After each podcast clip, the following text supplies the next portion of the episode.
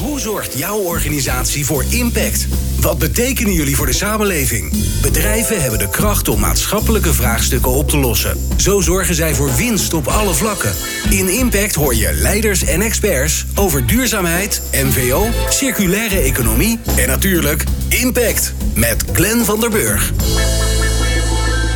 Nou, weer de vierde podcast. Uh, ik wil zeggen live vanaf, uh, vanaf springtime. Maar ja, we, zijn helemaal niet live. Uh, ja, nou misschien wel vandaag nu via LinkedIn zelfs ook nog live te, te volgen. met camera en al. In de studio Stientje van Veldhoven, staatssecretaris voor Infrastructuur en Waterstaat. En Roland Pechtold, algemeen directeur van GroenLeven. Beetje een andere podcast dan alle andere podcasts die we, die we maken. Daar gaan we een beetje ja, toch wat meer bespiegelend kijken naar wat moet er gebeuren. Maar dit gaat eigenlijk over iets wat er net is gebeurd. Want ehm, vandaag, ik zat net even te kijken, volgens mij anderhalf uur geleden, zo, zo dicht zitten we op het nieuws, is het nieuwe Nationaal Milieubeleidskader gepresenteerd. Nou, Stientje, wat is dat? Want ik dacht bij mezelf, jee. Um, ja, het, is een hele, het is echt een hele wervende titel. Dat, uh, dat ja. ja, het hele wervende titel. Nee, maar waar gaat het eigenlijk om? We hebben uh, in, in 2001 voor de laatste keer is eigenlijk opgeschreven waar werken we nou aan als we werken aan het milieu? wanneer doen we het nou goed? Langs welke principes willen we eigenlijk met elkaar uh, antwoorden zoeken? 2001 wordt laatst. Sindsdien natuurlijk heel veel gebeurd. Uh, sommige dingen zijn ook hetzelfde gebleven, maar er moeten ook echt dingen veranderen. En om een voorbeeldje een soort te geven. visiedocument van hier, dit willen we met z'n allen. Nou ja, het is een visiedocument in die zin dat je zegt, waar willen we nou naartoe? En waar ik met Nederland naartoe wil, is dat als we kijken naar onze leefomgeving. Dus letterlijk de grond waar we op staan, waar we ons voedsel op verbouwen, de lucht die we inademen, het water wat bij ons in de achtertuin door de sloot stroomt. Ik wil dat we van Nederland een steeds schoner land maken. En dat we dus niet zeggen: Goh, we, hebben, we doen precies, we voldoen precies aan de norm die Brussel ons heeft gesteld, waar je eigenlijk niet boven mag. Maar we doen er precies aan, dat is genoeg. Nee, het moet onze ambitie zijn om Nederland stap voor stap schoner en mooier te maken een voorbeeldje daarvan, luchtkwaliteit. Daar heb je zo'n set aan Europese normen. In Nederland overlijden nog elk jaar 11.000 mensen vroegtijdig aan slechte lucht. Eén op de vijf kinderen met astma heeft dat vanwege de luchtverontreiniging in Nederland. En dus moeten we niet zeggen, we voldoen aan de norm, dus dat is wel genoeg. En we gaan met nieuwe activiteiten gewoon allemaal opvullen tot die norm. Nee, onze ambitie moet zijn om Nederland stap voor stap steeds een stukje schoner te maken. Dus van dat is zo'n schade naar opruimen. Ja, van do no harm naar do good. Dat is eigenlijk waar ik naartoe wil. Dat is een omwenteling. Daarnaast vind ik dat we echt moeten uitgaan van het veilig ontwerpen. We brengen nu vaak stoffen in de maatschappij. Hebben we van tevoren goed nagedacht of die veilig zijn? Als we naar circulaire economie gaan kijken, hebben we dan goed nagedacht over hoe we ervoor zorgen dat die stoffen ook veilig zijn, opnieuw in producten gebruikt kunnen worden. Uh, daar moeten we heel veel doen. Betalen we de echte prijs? Kijken we naar de breedte van de effecten van wat we doen? Ja, en we moeten natuurlijk internationaal samenwerken. Want in Nederland kun je een hoop doen. Maar dat voorbeeld van de luchtweer houdt zich niet aan grenzen. We zullen ook echt gezamenlijk moeten zorgen voor dat steeds schonere, mooiere land. Uh, wat echt onze dagelijkse leefomgeving is. Nou, dat schrijf ik dus op in dat kader.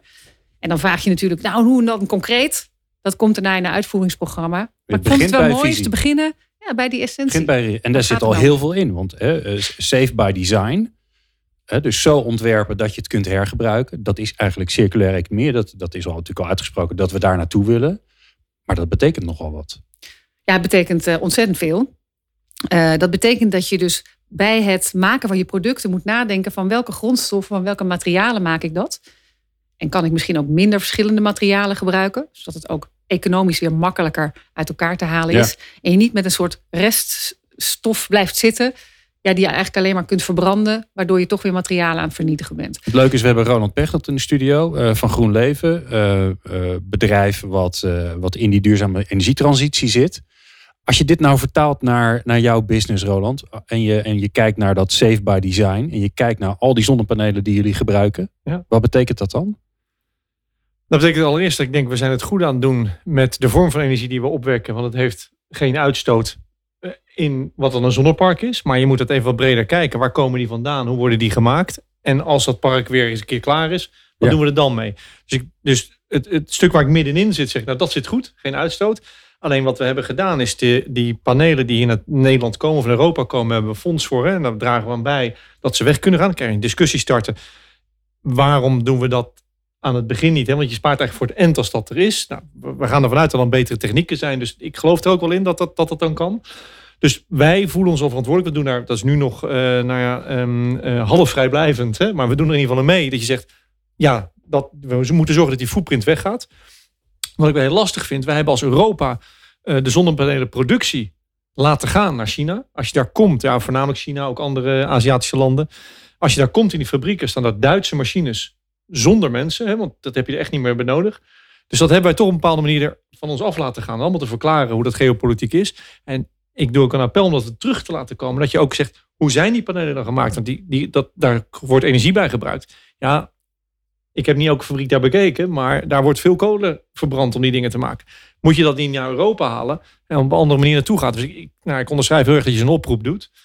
Um, dus nou, in ieder geval, wat, wat wij doen is, hoe gaan die panelen weg en hoe worden ze gemaakt? Maar terwijl ze er liggen, ja, maken ze wel heel duurzame energie. Ja, en de vervuiler betaalt, je zei het al even Stientje. Nou, dat, dat zal hier uh, half de Schelling stond net te klappen, denk ik, als ze je gehoord hebben. Uh, het is een van de, van de oplossingen die je toch heel vaak hoort. Van ja, zolang we dat niet geregeld hebben, blijven er gewoon stevige weeffouten in ons economisch systeem.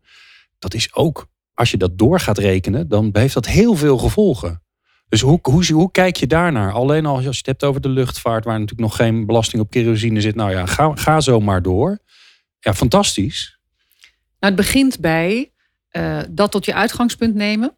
Uh, en dan ook goed kijken. Waar kun je dat in Nederland al doorvoeren? Uh, en dat kun je tot een zeker niveau kun je dat doen. Op een bepaald niveau betekent het misschien dat werkgelegenheid uit Nederland verdwijnt, naar het buitenland gaat. Dan ben je niet alleen de werkgelegenheid en de economische, het economische rendement daarvan kwijt, maar ben je ook nog eens de controle kwijt. Uh, en ben je ook gewoon de vervuiling aan het verplaatsen. Dus als je dat echt wil doen, dan moet je naast het kijken wat kan ik al in Nederland doen, ook kijken hoe kan ik bedrijven helpen om om te schakelen. Want dan heb je het meeste effect voor het milieu en voor het klimaat. Dus ik vind dat we als Nederland ons moeten inzetten binnen Europa voor een meer op echte prijzen gebaseerde economie. Daar de incentives geven. ons, ons ETS-systeem is natuurlijk een prachtig voorbeeld daarvan. Laten we ook in Europa kijken hoe we zo'n beprijzingsmechanisme kunnen versterken. Breed in de economie. Zodat je ook gewoon alle sectoren zo'n zo, prikkel geeft. Uh, en daarnaast wordt er nu natuurlijk ook nagedacht over hoe kun je eigenlijk aan de grenzen van Europa eventueel een heffing uh, inrichten zodat je ook geen oneerlijke concurrentie krijgt met, met partijen in het buitenland die niet aan die eisen hoeven te voldoen. Dus als je naar Europa wil, als je in Europa wil verkopen, zorg je dat je aan diezelfde milieueisen voldoet. Dan kun je hier gewoon verkopen. En doe je dat niet, dan betaal je eigenlijk ook toch de echte prijs daarvoor. Ja. Zo kunnen we dus in Nederland zelf een aantal dingen doen. Bij Rijkswaterstaat laten wij nu ook aanbesteden op basis van een weergave van de echte prijs. Dan weet je namelijk echt wat je in Nederland voor je belastinggeld koopt in de breedte van de maatschappelijke effecten.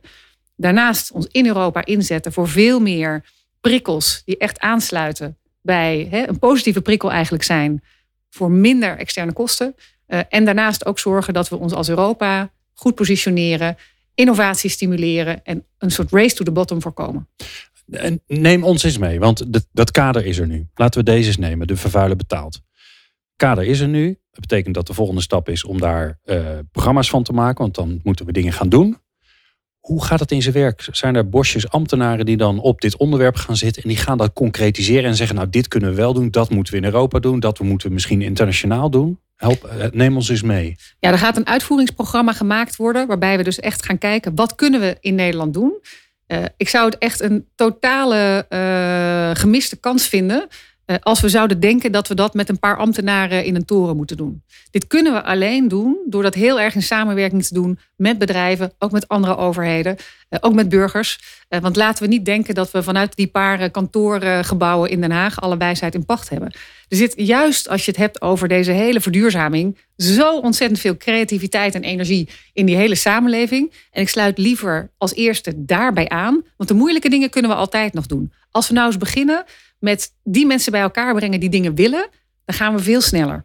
Dus dat moeten we in ieder geval doen. En Europees gezien moeten we dus uh, de discussie aangaan. Daar is Nederland ook een koploper. Maar die samenwerking met bedrijfsleven, dat is echt cruciaal. Want die ondernemers weten ook waar eigenlijk dat laaghangend fruit hangt. veel beter dan die paar ambtenaren in Den Haag. Nou, Roland, je kan, uh, je kan gelijk uh, ik stak aan mijn, gang. Ik stak mijn vingertje al op. Ja, heel netjes. Um, uh, voor mij is uh, Springtime nu bestaat een decennium. Uh, zolang als ik jou ken, ook een decennium. Volgens mij ben je voorvechter voor naar alles wat er met, met energie en milieu aan de goede kant, wat mij betreft, aan het, aan het ontwikkelen is.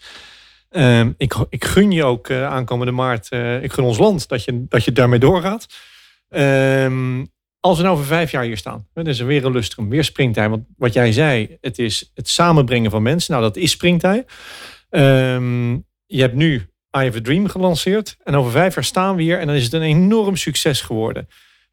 Wat is er dan gebeurd en hoe kan ik als sector of als bedrijf, hoe kan ik eraan bijdragen om wat jij hebt opgeschreven, waar ik het absoluut mee eens ben, om dat te implementeren? Ja, eerst maar eens de eerste vraag. Altijd gevaarlijk twee vragen stellen. Nee, dan hebben we, dan hebben we, wat uh, hebben we bereikt? Dan hebben we in een nieuw regeerakkoord echt afspraken gemaakt om waar het gaat om water, lucht, bodem, echt gaan werken aan het steeds schoner worden van ons land. Dat kan namelijk. Het voorbeeld van de luchtkwaliteit. Ik heb daar een schone luchtakkoord afgesloten afgelopen periode. Met allerlei gemeenten. Uh, om aan te gaan werken om die luchtkwaliteit te verbeteren. En we willen dus de in Nederland geproduceerde vervuiling halveren in tien jaar. En daarmee halveren we het aantal eigenlijk vroegtijdige sterfgevallen. Ik zou meer van dat soort targets willen uh, in het volgende regeerakkoord. Waarvan we dan over vijf jaar kunnen zeggen dat is echt op de rit. Daarnaast hoop ik dat we dan echt een flink aangescherpte Europese, liefst mondiale, maar in ieder geval Europese ambitie hebben op dat hele klimaatakkoord. Uh, we zullen namelijk echt nog veel meer moeten doen als we onder die anderhalve graden willen blijven. En dan hoop ik dat we naast de energietransitie ook de grondstoffentransitie echt in gang hebben gezet. Want Ellen MacArthur heeft recent becijferd dat uh, de CO2-uitstoot die vrijkomt bij de productie van onze goederen en ons voedsel ongeveer 45% is. Dus bijna de helft van het vraagstuk waar we het hier met elkaar veel over hebben, zit niet in de energietransitie sec, maar zit in die grondstoffentransitie. Ja. En als we die niet heel serieus hebben opgepakt, dan hebben we niet alleen de helft van het probleem genegeerd, maar ook de helft van de oplossingen. En daar zit een hele nieuwe economie in. En daar kunnen ondernemers helpen. Dus jullie zijn bezig inderdaad met de zonnepanelen. Maar één ding weet je zeker: er komen straks ook heel veel secundaire zonnepanelen op de markt. Die zonnepanelen, al die materialen stromen, je kunt ze nu zien aankomen, want ze worden nu neergelegd. En je weet ook al ongeveer wanneer ze komen. Ontwikkel dus nu de technologieën die er nodig zijn om die materialen weer goed, hoogwaardig te kunnen herintroduceren in de economie. Want daarmee besparen we dan heel veel CO2. Oké, ik heb een laatste vraag. Want de tijd zit er alweer op. Het gaat zo snel altijd. Hè? Ik heb er twee. Ik moet kiezen. Ik moet kiezen welke wordt het. Ja, ik ga toch die vragen. Gaat het snel genoeg? Gewetensvraag. Want over vijf jaar, het is een mooi doel. De halveren van de luchtverontreiniging. Gaan er nog maar de helft van de mensen dood van nu. Gaat het snel genoeg? Moet het niet gewoon harder? Ik hou niet van defetisme. Dat gaat namelijk niet helpen om het tempo omhoog te brengen. We kunnen alleen maar allemaal, wanneer we s'avonds in de spiegel kijken, onszelf afvragen: heb ik er vandaag alles aan gedaan wat ik eraan kon doen? En als we die vraag allemaal eerlijk genoeg beantwoorden, dan gaan we zo snel als we kunnen. Oké. Doe ik toch nog een echte laatste vraag. We zijn op een jaar, over een jaar weer op springtij. Dus niet over vijf jaar, we zijn er volgend jaar al. Want ik heb een beetje haast. We hebben met z'n allen haast. We kijken terug naar het afgelopen jaar. Wat is het spraakmakende wat je voor elkaar hebt gekregen? Naast natuurlijk dit nieuwe kader. Ja, dit is een, jaar van verkiezingen. Uh, dus dit wordt ook een jaar van nieuwe keuzes. Uh, eigenlijk een keuze voor nieuw draagvlak. Uh, en ik hoop niet zozeer dat ik iets voor elkaar krijg dit jaar. Ik heb nog een heleboel ambities overigens. Maar even, daar kan ik nog, nog een kwartier mee vullen als ik die allemaal op ga noemen. Um, maar wat ik heel erg hoop, is dat er in dit verkiezingsjaar een nieuw mandaat komt van de kiezer. En dat de kiezer dus zegt: ik wil dat dat volgende kabinet bestaat uit partijen die ik echt een ruim mandaat heb gegeven om Nederland klaar te gaan maken voor de toekomst. En ik hoop dat we volgend jaar kunnen constateren dat dat het geval is. En dan hoop ik dat jij dan weer staat met dezelfde energie. Dankjewel, Stientje van Veldhoven en Roland Pechtold. Meer afleveringen van Impact vind je op impact.radio.